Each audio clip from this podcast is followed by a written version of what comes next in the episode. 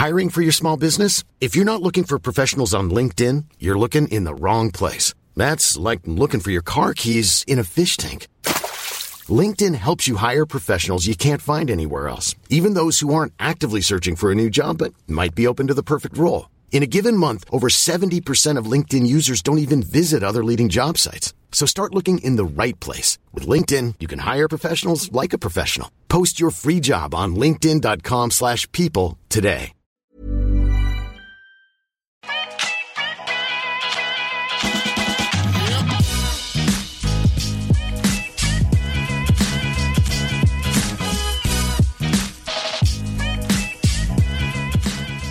Idag träffar jag Tora som arbetar som editor för plattformarna Hype Bay och Hype Beast.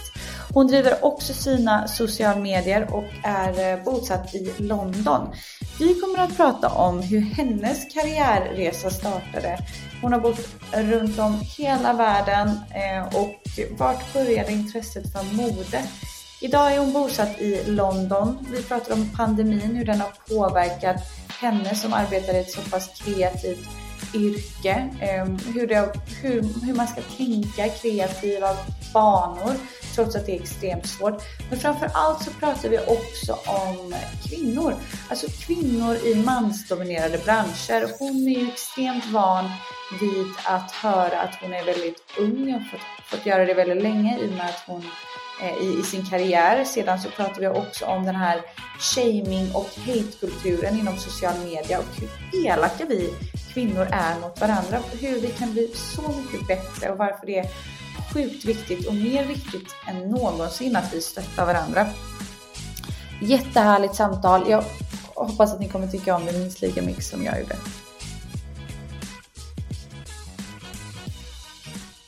Berätta lite om, om hur din karriärresa startade och typ intresset för modet. Var kom, när kom det? Alltså egentligen så, så, låter det verkligen så kliché, men det är en sån där grej som jag alltid vetat att jag vill jobba inom mode. Alltså när jag var liten, eh, min mamma har alltid jobbat i modeindustrin och jag var liksom på hennes jobb och sprang runt i deras garderober, typ såhär age five eh, och verkligen drömde om att ha på mig fina klänningar och jag ville ta hål i öronen och jag ville ha smink på mig. Det var verkligen eh, typ där det började skulle jag nog säga. Och sen så när jag liksom har växt upp så har jag flyttat väldigt mycket. Mm. Jag flyttade till Grekland när jag var fyra eh, med min mamma och pappa och flyttade sen tillbaks till Sverige två år senare. Eh, och sen när jag var 12 flyttade vi till Jakarta som är huvudstaden i mm. Indonesien. Och sen två år senare därifrån till Hongkong där jag bodde i nästan sju år. Och det var egentligen där min karriär började för jag gick i en väldigt amerikansk skola eh, som var verkligen super liksom academically focused väldigt eh, liksom såhär, you're going to Harvard, you're going to Yale. Eh, det var väldigt liksom den... Inga andra alternativ typ. Nej, alltså verkligen inte. Och eh, det var väldigt liksom amerikanskt och jag som svensk, alltså jag hade varit i USA två gånger, jag hade varit i LA och New York, alltså of course. Eh, och kände verkligen inte så här, att det var, att det hade samma dragkraft som det hade för alla andra. Och jag visste ju också att jag gillade att vara kreativ och jag gillade att måla och rita och hålla på med kläder. Och det fanns liksom ingen som delade det intresset. Så det var verkligen eh, tufft att liksom hitta like-minded people på det sättet. Så när, när jag mm. då var klar med skolan, då var jag såhär, jag vill absolut inte plugga nu. Det har jag gjort nu. Det var hemskt. och då istället, Alltså då började jag istället eh, leta liksom andra grejer och jag har alltid varit så här, I will try anything. Det är liksom den mentaliteten som jag har haft. Så då hoppade jag på eh, ett sustainable fashion internship som var liksom obetalt. Det var en jätteliten startup eh, i Hongkong som heter Redress som nu faktiskt har vuxit och blivit superstort och jag hjälpte dem att liksom bygga deras sociala medier. Eh, de byggde så educational materials som handlade om liksom hur man kan bli mer eco-friendly som ett brand. Och eh, innan det hade jag verkligen byggt upp ett stort intresse för liksom sustainability och tyckte verkligen det var superkul. Eh, och gjorde det i typ tre månader. Och efter det, alltså jag höll på att söka jobb och typ alltså jag ville bara prova på så mycket som möjligt. Och sen mm. lyckades få jobb eh, på Monkey eh, i retail i Hongkong. Eh, vilket också är en experience in itself för att eh, ingen av mina kollegor pratade engelska. Eh, och jag pratade absolut inte kantonesiska så det var kanske inte liksom det, det roligaste när man var på jobbet. För man kunde liksom inte snacka. Löste du det? uh, men det var skitkul, alltså så här, det funkade ju det med. Uh, och liksom väldigt sena arbetstider, vi slutade, jag tror vi stängde butiken typ så här halv elva uh, på kvällen och du vet så här, folk kom in typ så här precis innan och började shoppa och skulle in i provrummet och du vet, very very late nights. Uh, men så det, det, började liksom där skulle jag nog säga. Det, alltså jag ville bara prova på så mycket som möjligt för jag kände om jag inte ska plugga, alltså vad ska jag göra då? Jag kan inte bara sitta hemma. Uh, så började verkligen prova på och sen lyckades få ett internship på ett lingerie brand som heter 68 uh, som också mm. är based in Hong Kong. Uh, och det fick jag för att jag höll på med YouTube samtidigt. Oh, okay. Alltså jag har alltid Eh, alltså jag vet inte, det är så klyschigt men du vet alla hade en blogg. Det var liksom ja. eh, a time where everyone was blogging och då var jag typ vad 10-11 när alla mm. började ha liksom, bloggar och jag tyckte det var skitkul och du vet alla mina kompisar skrev och sen när jag flyttade så började jag liksom dokumentera massa grejer där. Eh, och sen blev det till en, en större grej och jag fortsatte med det när jag slutade skolan och typ alltid hade det som en side thing. Um, och sen fick jag det här internshipet för att jag liksom hade visat min, min YouTube och mina blogs och du vet mina sociala mediekanaler som jag egentligen inte hade några följare på. Alltså det var typ såhär, jag hade 200 subscribers på YouTube och kanske 1000 följare på Instagram. Uh, men det tyckte de var skitkul och det var liksom mitt första betalda internship så jag var ju liksom over the moon. Och wow. eh, jobbade kvar retail samtidigt på helgerna. Så jag gjorde liksom eh, måndag till fredag på mitt internship och sen varje helg jobbade jag retail och sen så hoppade jag också på en kurs som var part time eh, på ett universitet som heter SCAD och pluggade då tisdagar och torsdagar efter jobbet. så det var liksom... Oh, shit. Jag gjorde allt på en gång. Alltså du vet, jag eh, I was motivated och typ så determined to do the most. Uh, för jag vet inte, jag tror jag var rädd för att typ inte komma någon vart.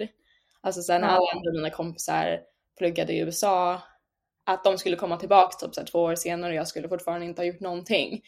Um, det kändes lite så, så jag satte väldigt stor press på mig själv att liksom göra så mycket som jag kunde. Och sen gick det typ två år, jag hade gjort supermycket och då eh, av slump hittade eh, like a job application för Hypebeast. Mm. Och jag, eh, med den hybrisen som jag hade, jag var så men absolut såklart att jag söker det. Alltså jag har absolut inte tillräckligt med requirements, har inte alls gjort tillräckligt mycket. Eh, och då sökte jag in för en roll som var associate editor at Hypeay. Och sen hörde jag inte tillbaks på typ fyra månader och glömde typ bort att jag ens hade sökt in. Jag var såhär, det hade förträngts. det var, I didn't never mind, ja, mitt ego fick ju lite ett bruising. Och sen helt plötsligt fick jag ett, ett mail och de sa vi vill intervjua dig. Och the rest is history antar jag. Och nu är det liksom tre och ett halvt år senare och jag jobbar fortfarande där. Så ja, wow. det var liksom the long story to how it began. Tur du hade hybris där och tänkte att det är klart jag ska söka. Ja, eller alltså jag vet inte, det var bara, det kändes bara rätt. Eller typ så här, I can make them think that I'm the right person. Uh, och jag älskar Obviously you are. ja, precis, och jag hade liksom experience in social media. Jag tyckte att det var superkul och jag har alltid hållit på att skriva. Alltså det har alltid varit liksom my backbone. Uh, och det är absolut kanske inte det som jag tycker att jag är bäst på. Uh, mm. Men att kunna liksom använda det och göra andra grejer och liksom vara kreativ through writing. Alltså det var ju liksom en dröm. Mm. Eh, ja, så det, det bara blev så helt enkelt. Och sen hamnade du i London, för nu bor du i London, visst är det så? Ja, det är sant. Eh, och jag hamnade mest i London för att det var min plan väldigt länge, eller typ så jag tänkte att eventually så skulle jag uh, börja plugga här på Central St. Martins och jag sökte in och kom in och sen så var jag såhär, mm, kanske inte än. Så liksom declined och sen fick då det här jobbet på Hypebeast och fortfarande kände att jag skulle faktiskt vilja bo i London. Um, så då liksom ett och ett halvt år senare så, så vet jag liksom att företaget har ett kontor här, det är ett väldigt litet team och då byggde jag egentligen upp en plan som var jag vill till London och mm. om ni flyttar mig till London så kommer jag bygga Hype i hela Europa och i England. So move me now. Alltså det var verkligen... Wow! Och de gjorde det? Ja, eller först de bara eh, no. Och då är jag såhär, jag har svensk pass, ni behöver inte sponsra med visa, jag fixar liksom allt själv. Uh, let me just do it liksom. Ja, det är ju en dröm för dem. Ja, eh, så typ, jag vet inte, fyra månader efter de hade sagt ja, då satt jag på flyget. Och var redo att flytta till London och jag hade bara varit här var typ så två gånger innan, visste ingenting, kände ingen. Och när jag väl landade på Heathrow var lite så här, fan jag vet inte om det här var en jättebra idé. det var verkligen... Du drog! Ja. Nej, du hade ju inte allting set up eller vänner och familj och allting i London liksom. Nej, alltså verkligen nada. Och min familj bodde fortfarande kvar i Hongkong. Och det är liksom åtta timmars tidsskillnad, 13 timmars flyg, alltså you know the deal. Så det var inte så att de ja. kom och hjälpa till på helgerna när jag kände att det var tufft. Nej shit, och sen har du bara börjat bygga. Hur har det gått? Hur har du gjort? Alltså jag tror först, alltså första året var verkligen tufft. Um, jag tror för att jag också var väldigt ung, eller alltså jag är väldigt ung, jag var 20 när jag flyttade hit. Uh, och kände direkt att det var liksom en sån stor uh, age-grej, alltså en åldersgrej. Att mm. många fick mig att känna mig som att jag inte var tillräckligt bra för att jag var deras lilla bebis och du vet så, här, så att jag var som en lilla syster och du vet folk, jag fick de kommentarerna ah. ganska ofta. Och eh, började liksom känna att det var tufft för att folk inte tog mig på allvar eh, när de väl fick reda på liksom hur gammal jag var. Och för mig var det så här, så jag har alltid varit super lillgammal och jag har känt mig mycket äldre än vad jag är så det var skitirriterande. Ja. Eh, men sen också att det var så jävla negativt. Alltså det är verkligen en kaosindustri, alltså modeindustrin. Det är väldigt liksom backstabbing, mycket skvaller, mycket, alltså väldigt mycket skitsnack bara. Och så liksom hela första året så kände jag att eh, alltså det var väldigt jobbigt för mig. När mm. alla var så negativa runt omkring mig och typ mina kollegor och det folk runt omkring mig kunde typ ge mig elaka kommentarer för att jag tyckte att det var kul att lägga upp mina outfits på Instagram. Alltså du vet, kunde få mig att känna mig som... Ah. alltså att de typ... Men fy! Ja, tror du att det var... beror på svartsjuka eller avundsjuka eller liksom? Ja, Var? alltså jag tror att det är väl det i grunden. Det är det väl typ alltid. Alltså om man ja, är det. osäker och man ser någon göra någonting kul eller någonting Men det kunde vara andra inom branschen eller inom liksom samma företag eller inom, inom media eller var det liksom att du upplevde det i sin helhet? Alltså mest eh, folk som höll på med liksom samma grej. Eh, de som är i samma roll som jag, samma bransch och du vet. Mm. Ja. Mm. Så hela det första året var faktiskt väldigt tufft för mig. Eh, mm. Men jag hade också väldigt bra kompisar som inte alls var i samma bransch och industri som faktiskt inte brydde sig ett skit och bara tyckte det var skitkul att kolla på eh, allt som jag gjorde. Mm, eh, mm. Så det var ju också, alltså, det var liksom my lifesaver tror jag. Mm. För jag tror annars hade det typ blivit för tufft alltså. Och min familj, det, det var så många sena kvällar när jag satt där och var, alltså hade brutit ihop och gråtit i kanske typ så två timmar och ville bara ringa till mamma och de ligger liksom och sover för klockan är fem på morgonen. Alltså, ja, det är klart. Uh, ja, men jag, alltså, var... jag förstår dig verkligen. Jag känner så igen mig för att jag fick rollen som 25-åring som PR-chef. Det är också ganska ungt och att det blev väldigt så oh you're the company's baby. Jag bara, ja ah, fast varför är jag det? Alltså det var så förminskande igen på grund av min ålder. Men när jag aldrig sa min ålder, då var det så här, kompetensmässigt så kunde de ju inte och det är samma med dig kan jag tänka mig. Men så fort man säger en siffra på ett ålder så blir, det, så blir man så stämplad direkt. Jag kunde bli så jäkla irriterad. Så jag kan verkligen förstå din frustration. Ja, alltså det är verkligen så jobbigt. Och typ när man väl har kämpat och byggt upp sin credibility och Mm. verkligen är bra på det man gör och sen bara för att man då säger sin ålder att folk ser en helt annorlunda och det tycker jag är jobbigt och inte okej. Eller det är så här, det spelar ingen roll. Nej, 100 procent. Och jag menar, speciellt i modebranschen som är så pass konkurrenskraftig. Det känns så här, så här är vi inte, har vi inte kommit förbi det, det att man ska backstabba och vara elaka mot varandra? Inte den eran förbi, du vet djävulen bär Prada-aktigt och Mm. men du vet att allt ska vara så här, man ska vara bitch om man jobbar med, med PR eller man ska vara sån om man jobbar med mode. Alltså man känner lite sådär, nej men fan har vi inte vuxit ifrån det? Ja, verkligen. Eller typ såhär, vi är ändå vuxna människor men det känns Ja. som att det är liksom school drama och jag tror att det är en sån grej som verkligen har hänt i, inom modeindustrin att folk har blivit behandlade illa när de började och du vet började liksom i internships och var tvungna att hämta kaffe och du vet hela den grejen. Och sen när de då har climbed the ladder och tagit sig hela vägen upp då känner de Mm. att it's okay to treat people the same way they were treated. Mm. Eh, alltså det är som, eh, vad är det? Treat people with kindness fast eh, the reverse. Ja, helt men tvärtom. verkligen. Uh, ja, alltså treat people the way you want to be treated fast helt tvärtom. Eh, Helt tvärtom.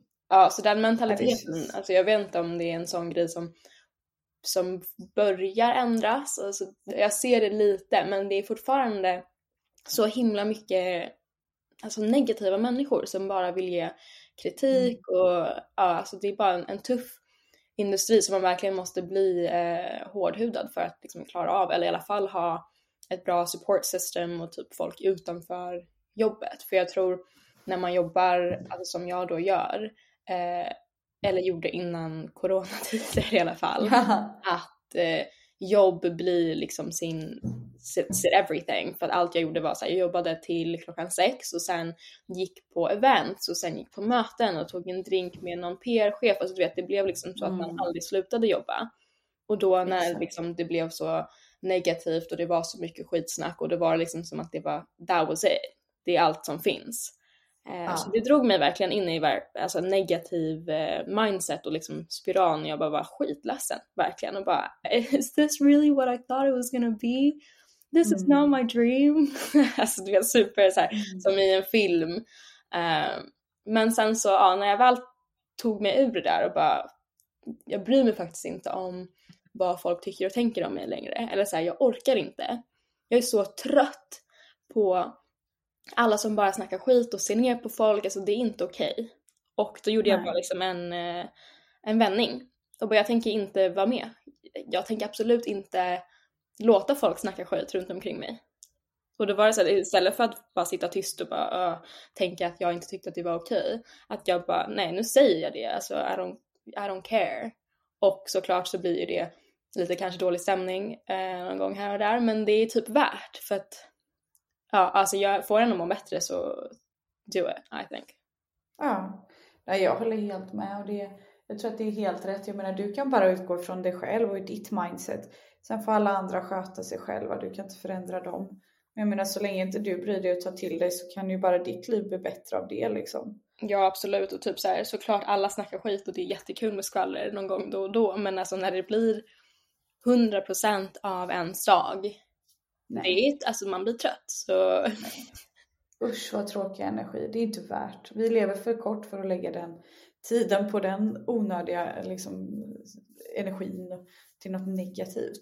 ja 100%. Men vad tänker jag på? Får du mycket? För att nu är du, det är ju väldigt stort med liksom hat och shaming och allting på social media.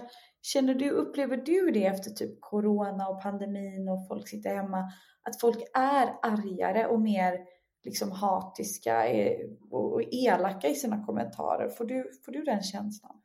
Ja, eller alltså jag har ju typ hela det här året insett att sociala medier är så toxic och verkligen, alltså jag tycker typ inte att det är okej att man har en sån frihet att kunna kommentera på, på allt som människor gör. Alltså jag har ju då inte jättestor following på det sättet men om man kollar på de som har liksom tusentals följare Eh, och när man kollar på deras kommentarer, det spelar fan ingen roll vad de lägger upp, men folk kommer alltid med kritik. Och det är liksom, Mm. det, alltså det är typ det sjukaste, typ så här, hur någon håller ens barn fel. Eller typ så här, jag ser på den här bilden att du inte uppfostrar ditt barn rätt eller typ eh, bara för att du lägger upp den här jackan, alltså hälften av dina följare kan inte ens köpa den här jackan, de har inte råd, det är insensitive, alltså du vet. Man, man kan hitta fel i allting om man vill. Mm. Mm. och jag tror att det verkligen har blivit en, en sån stor grej nu att man sitter hemma det kanske inte är skitkul. Eller så jag nu i London, vi har varit i lockdown i flera månader och jag tycker inte alls att det är kul. Men jag har inte riktigt hittat det i mig själv att gå in och liksom ta ut det på andra. Och jag tror att det är där det kommer ifrån. Jag pratade faktiskt med min kille om det här igår. Mm. Att man, alltså jag tror verkligen att jag har varit så naiv och typ tänkt att eh, alla bryr sig om varandra. Eller att man typ bara för att man inte gillar någonting som någon lägger upp att man känner att man behöver inte kommentera. Det går att avfölja, det går att muta, alltså det går att ta bort det från ens feed utan att man behöver gå in och, och lämna den kommentaren.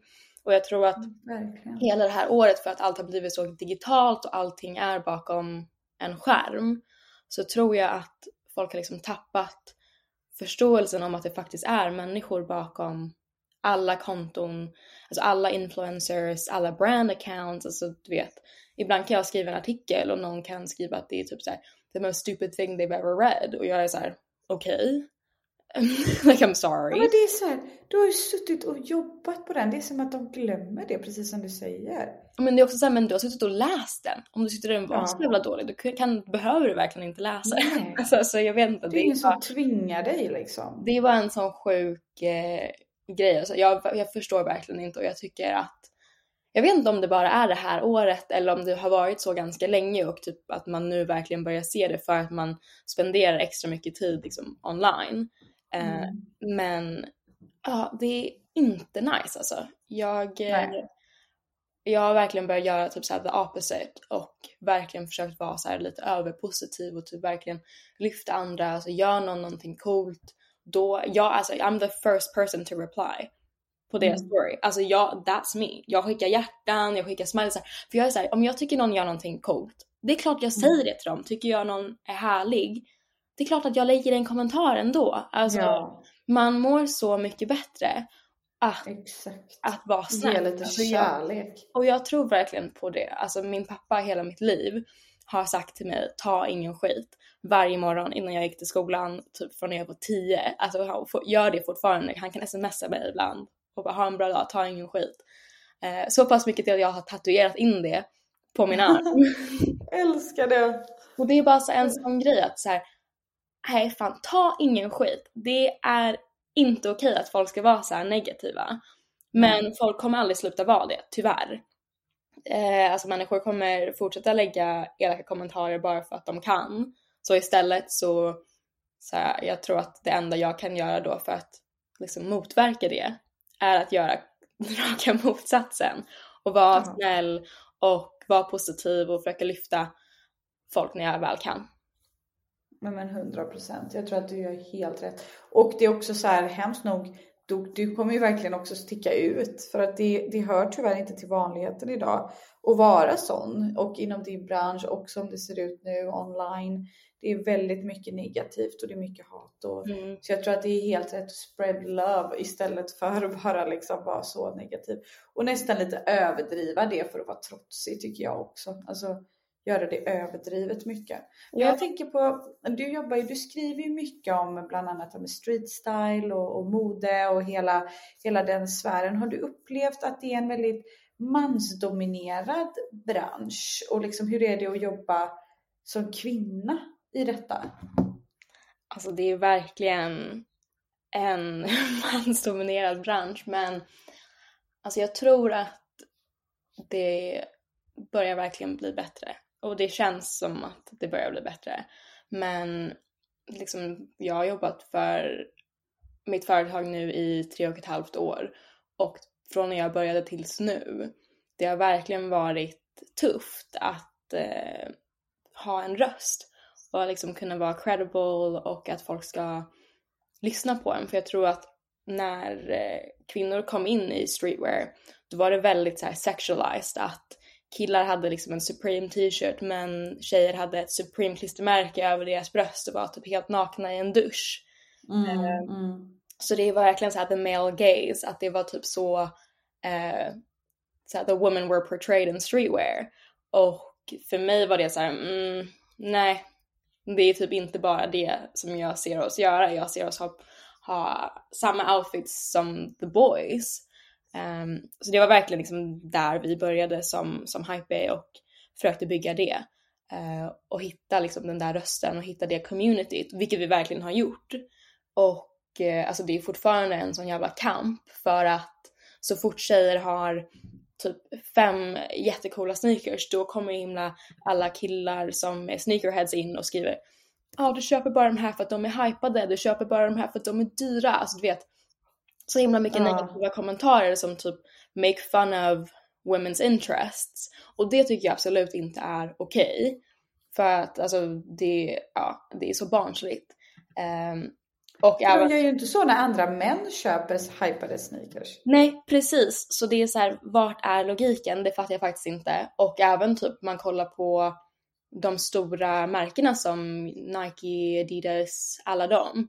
Eh, hälften av collabsen som de gör släpps inte ens i eh, tjejstorlekar. Så det är också lite så här. eh, we just want what the boys have. Det är inte så att vi försöker ta ifrån de industrin, alltså det är inte så att vi försöker ta över. Vi vill bara ha alltså, möjligheten att ens kunna vara med typ. Eh, ja, så det, vi kämpar ju liksom fortfarande för det och jag tror att det är en sån grej som tjejer får kämpa för i vilken industri som helst egentligen. Eh, men det blir så himla uppenbart att, alltså jag vet inte om det är för att killarna känner sig hotade eller liksom vad det är, men det är så töntigt. Eh, ja. Verkligen. Och att just att det är när det kommer till street style, där är det ju så synd.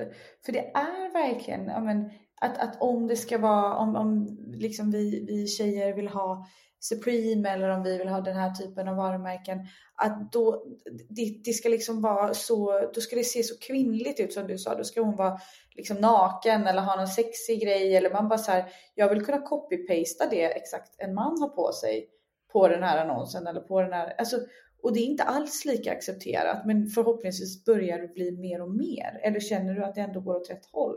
Alltså verkligen, jag tror att tjejer kommer liksom ta över för att det finns så mycket mer som vi kan eh, play with. Alltså nu när jag ser, alltså jag kan ha ett par skitcoola Air Jordans och ha typ ett Mm. par Fendi jeans and like a Balenciaga hoodie, du vet alltså hela den stilen, Mm. luxury streetwear.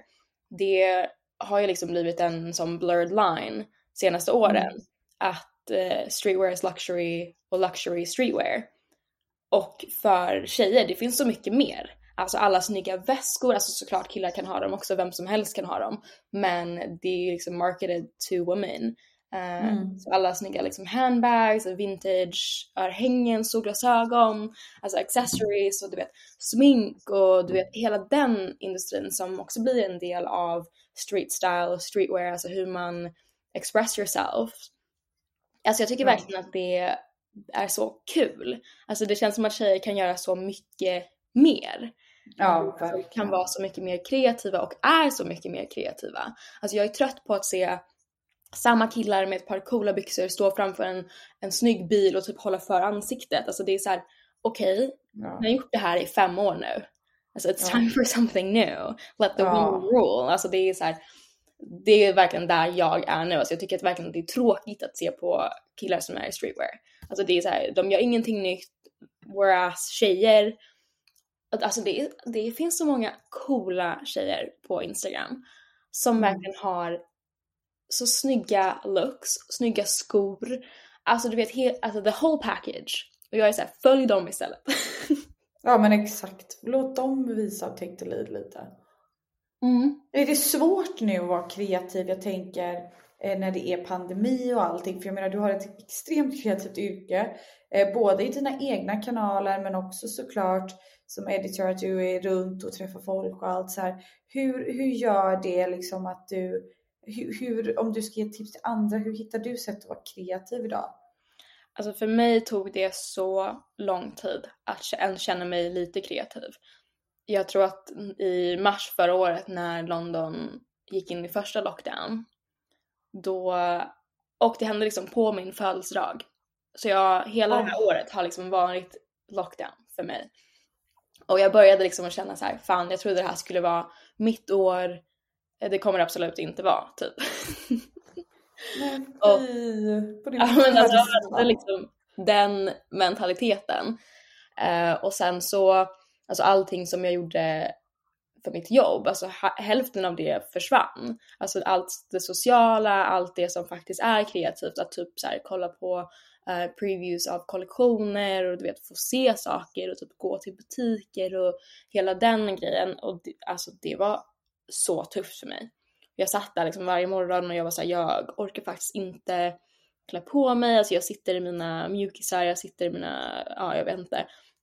Det var månader där jag bara kände mig som alltså a loser, för jag var såhär, jag kan inte vara kreativ, det är som att min hjärna inte funkar.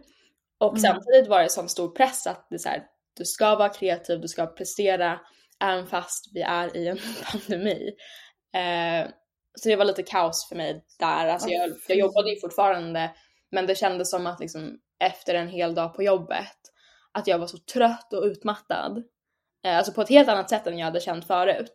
Och typ orkade inte vara kreativ utanför mitt jobb. Eh, och sen så tror jag att jag kom till liksom en sån vändningspunkt. Jag pratade med min mamma och vi var båda så här. alltså det enda som får mig att må bra, eller i alla fall bättre, är att klä på mig och ha snygga kläder, sminka mig, borsta håret. Alltså jag känner mig som a million bucks när jag gör det. Så varför gör jag inte det nu även fast det är ingen som kommer se? Ja. Um, så typ alltså det är så, så klyschigt igen. Men det är så här, that just made me feel really good. Och eh, istället för att bara göra det och sitta hemma liksom så började jag känna att okej okay, men då kan jag använda Instagram som min kreativa outlet istället för att ja, bara göra det för mig själv. Att typ känna att jag kan ta min lilla tripod och min lilla självutlösare och liksom gå och ta en bild och känna mig snygg.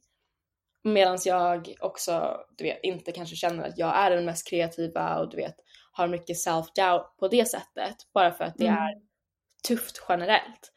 Och typ hela zoom-grejen, att man är så trött på att bara sitta och ha zoom-calls. Men att nu istället för att du vet så här, varje gång jag har ett samtal att jag äh, inte nu igen. Att jag typ sätter på mig lite rouge, att jag sätter på mig ett nytt halsband. ja men att jag går, jag sätter liksom på mig ett pärlhalsband innan jag ska ha möte med någon från Prada typ. Alltså mm. Alltså bara för att jag känner att nu är jag redo, nu känner jag mig lite snyggare. Och ja, det är så cheesy men det är såhär. Det är känslan. Ja men precis och det är så här, alltså man har så mycket möten och jag kan tänka mig att du har hur många möten som helst.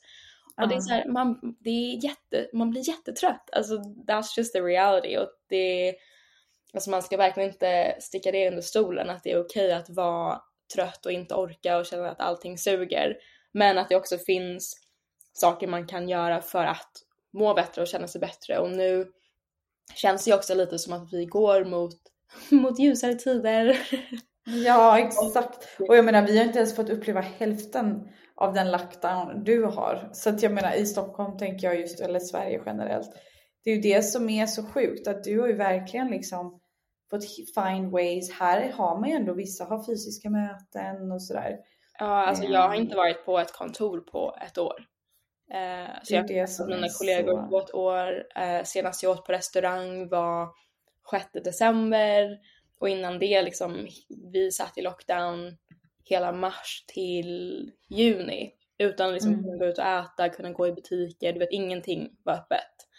Eh, det fanns typ inte ens Deliveroo, alltså jag kunde inte leverera mat. Eh, och Amazon fanns inte heller, du kunde inte beställa hem för att allting var bara stängt.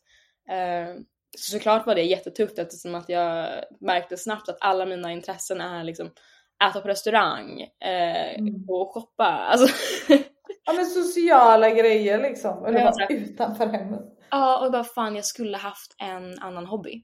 Typ såhär sticka eller typ, alltså du vet någon sån där grej. Men eh, tyvärr, och jag spelar också fotboll och det försvann Ja. också jättesnabbt och det var typ såhär precis när jag hade börjat komma igång för det tog eh, ganska länge innan jag kände mig liksom confident enough eh, att eh, vara med i ett lag här i London för jag tänkte att alla skulle vara skitbra och jag inte var tillräckligt bra. Eh, och när jag väl kom igång då, då gick vi in i lockdown. Det var så här, men vad fan.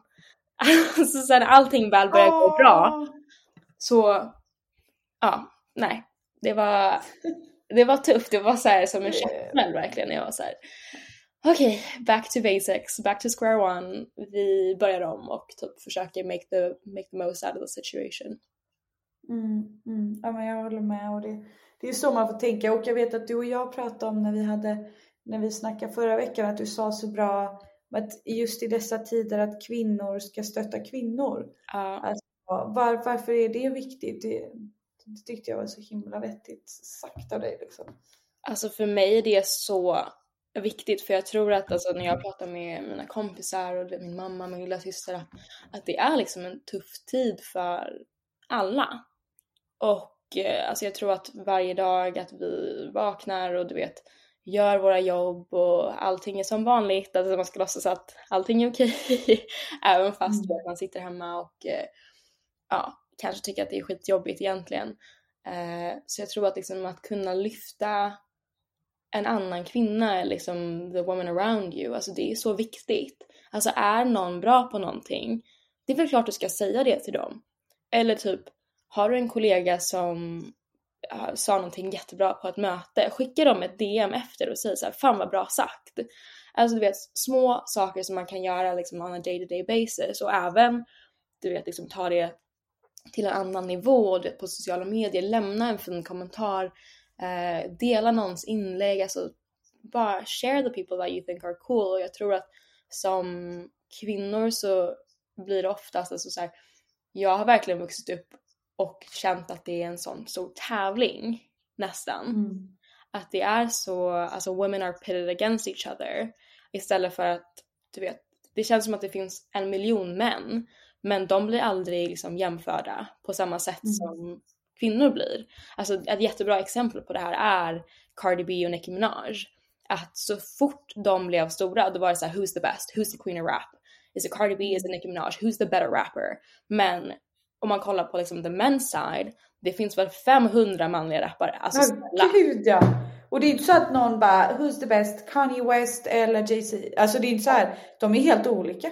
Och Men verkligen, gått alla såhär oh they're both the GOAT, they're both legends och det är såhär men Ja. alltså jag blir så, ja men det är typ som att det, har det är så för kvinnor generellt och typ även på en arbetsplats, alltså på sociala medier, du vet, ja det är tufft så typ istället för att känna att bara för att det går bra för någon annan så betyder inte det att det kommer inte gå bra för mig. Alltså jag tror att den mentaliteten är viktig. För det känns som att, eh, att många, många känner att det är en tävling. Eh, speciellt Mm. liksom på en arbetsplats att eh, bara för att någon annan får en promotion betyder inte det att jag också kan bli promoted. Alltså det spelar faktiskt ingen roll. Så istället för att känna att man måste vara negativ och typ trycka ner andra, att känna att man faktiskt kan lyfta andra och speciellt kvinnor. Eh, Mm. för att det är liksom tuffare generellt på, liksom, på en arbetsplats, eh, du vet hela den grejen. Eh, och bara, det är, alltså jag tycker verkligen att det är så viktigt och jag tycker inte att det är svårt. Alltså, Nej. eh, och om om man tycker att det känns lite pinsamt eller jobbigt då kan man börja väldigt, väldigt smått. Och typ så här, ja som sagt, DMa någon efter ett möte eh, och bara ah, jag tyckte det där var jättebra sagt och jag har verkligen tänkt på det. Du är jätteduktig. Alltså du vet. Och så kan man göra det någon gång då och då. Men jag lovar att gör man det, man kommer må så mycket bättre själv också. Nej men jag håller helt med. Jag håller helt med och det är helt gratis. Det, är liksom, Ja. det kostar en ingenting förutom lite tid. Som kommer göra så mycket mer för en i längden. Precis, och om man väl har tänkt det, eller typ såhär om jag står och köper mat och eh, såhär, my cashier har på sig ett par fina örhängen, om jag då tänker så här, åh vad fina örhängen. Det är klart att jag kan säga det då till henne. Eller va? Eller så här, om, alltså om jag väl redan har, har gått i de, de tankespåren. Det är inte så svårt att bara, du vet, säga det rakt ut. Och du kommer göra hennes dag, eller framförallt henne så glad. Hur kan man inte ta det valet? jag... Nej, men precis, och det är typ såhär, jag mår så bra, eller jag blir så glad när jag får en komplimang. Och speciellt som är liksom så random och du vet, eh, out of the blue. Att då är jag såhär, wow, gud vad snällt. Alltså det, jag blir så glad. Och eh, om man kan ge den känslan till någon annan. Alltså wow, det är, alltså, om man bara ändrar sitt tankesätt lite grann. Och speciellt nu när allting är himla negativt och du vet, jag spenderar timmar på Twitter och eh, Instagram och allt bara är negativt. Om man kan ta det på en sida, liksom såhär, okej okay, I can read that och typ take a step out och analysera det och kanske känna, jag kanske inte tycker allt som de tänker. Och istället för att ha den negativiteten, gå och göra någonting som är mycket mer positivt. Eh, mm. För att alltså, jag känner ju mer jag läser och det är så här, allting är, allting är bajs typ. typ det jag läser. Ja. Istället för då bara hålla med och bara fan allting är bajs. Så jag säger nej men nu ska jag göra så att det inte är det. Nu ska jag ja, igen gå vidare och ge någon en komplimang och du vet spread the sunshine. Alltså du vet så vara den, den jävligt cheesy personen som folk kanske tycker är jätte, alltså jag vet inte, jätteawkward men ja, det, någon måste vara den. Men om fler, om fler tänker så och gör så så blir det ju skillnad. Precis och typ så här, kan man inspirera någon annan att vara snäll då är väl det jättebra, eller det är i alla fall det jag tycker. Mm. Ja men hundra procent. Nej alltså jag är så med dig. Det känns som att nej, vi, vi, jag är aligned och jag menar om det är någonting folk kan ta till sig från, från mycket av det här avsnittet så är det också nu efterhand och bara sluta vara så negativa och försöka vara positiva och ge lite kärlek till varandra. För nu är det för mycket negativitet. Och nu när vi spelar in det internationella kvinnodagen. Alltså det är så här, vi borde bara hylla varandra och vara schysstare mot varandra. Jag tänker så här nu när man har lyssnat på dig. Det här kommer ju komma ut, det är onsdag idag när det här släpps. Um, så det är två dagar senare än internationella kvinnodagen.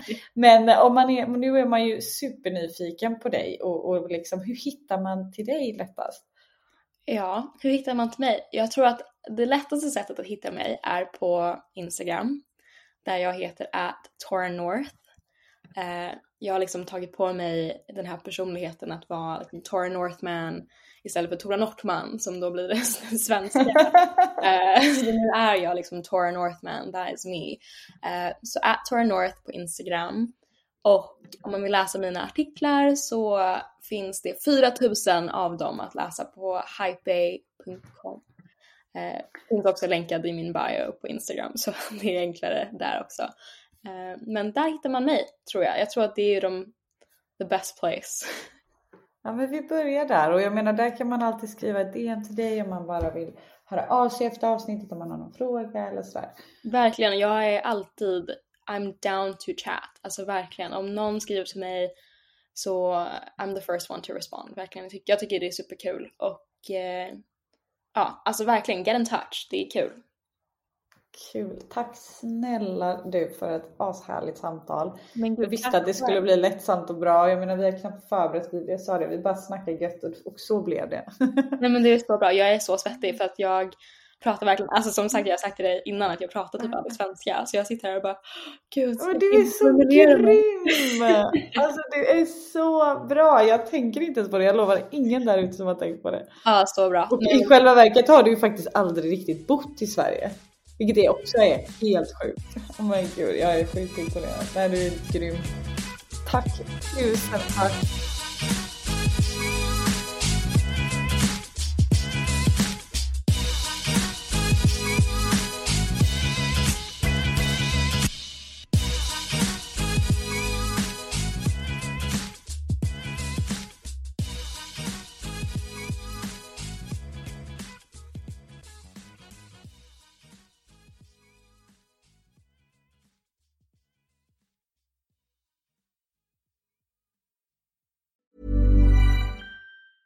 Mom deserves the best, and there's no better place to shop for Mother's Day than Whole Foods Market. They're your destination for unbeatable savings, from premium gifts to show-stopping flowers and irresistible desserts. Start by saving 33% with Prime on all body care and candles. Then get a 15-stem bunch of tulips for just $9.99 each with Prime. Round out Mom's menu with festive rosé, irresistible berry chantilly cake, and more special treats. Come celebrate Mother's Day at Whole Foods Market. Mom deserves the best, and there's no better place to shop for Mother's Day than Whole Foods Market. They're your destination for unbeatable savings, from premium gifts to show-stopping flowers and irresistible desserts. Start by saving 33% with Prime on all body care and candles. Then get a 15-stem bunch of tulips for just $9.99 each with Prime. Round out Mom's menu with festive rosé, irresistible berry chantilly cake, and more special treats. Come celebrate Mother's Day at Whole Foods Market.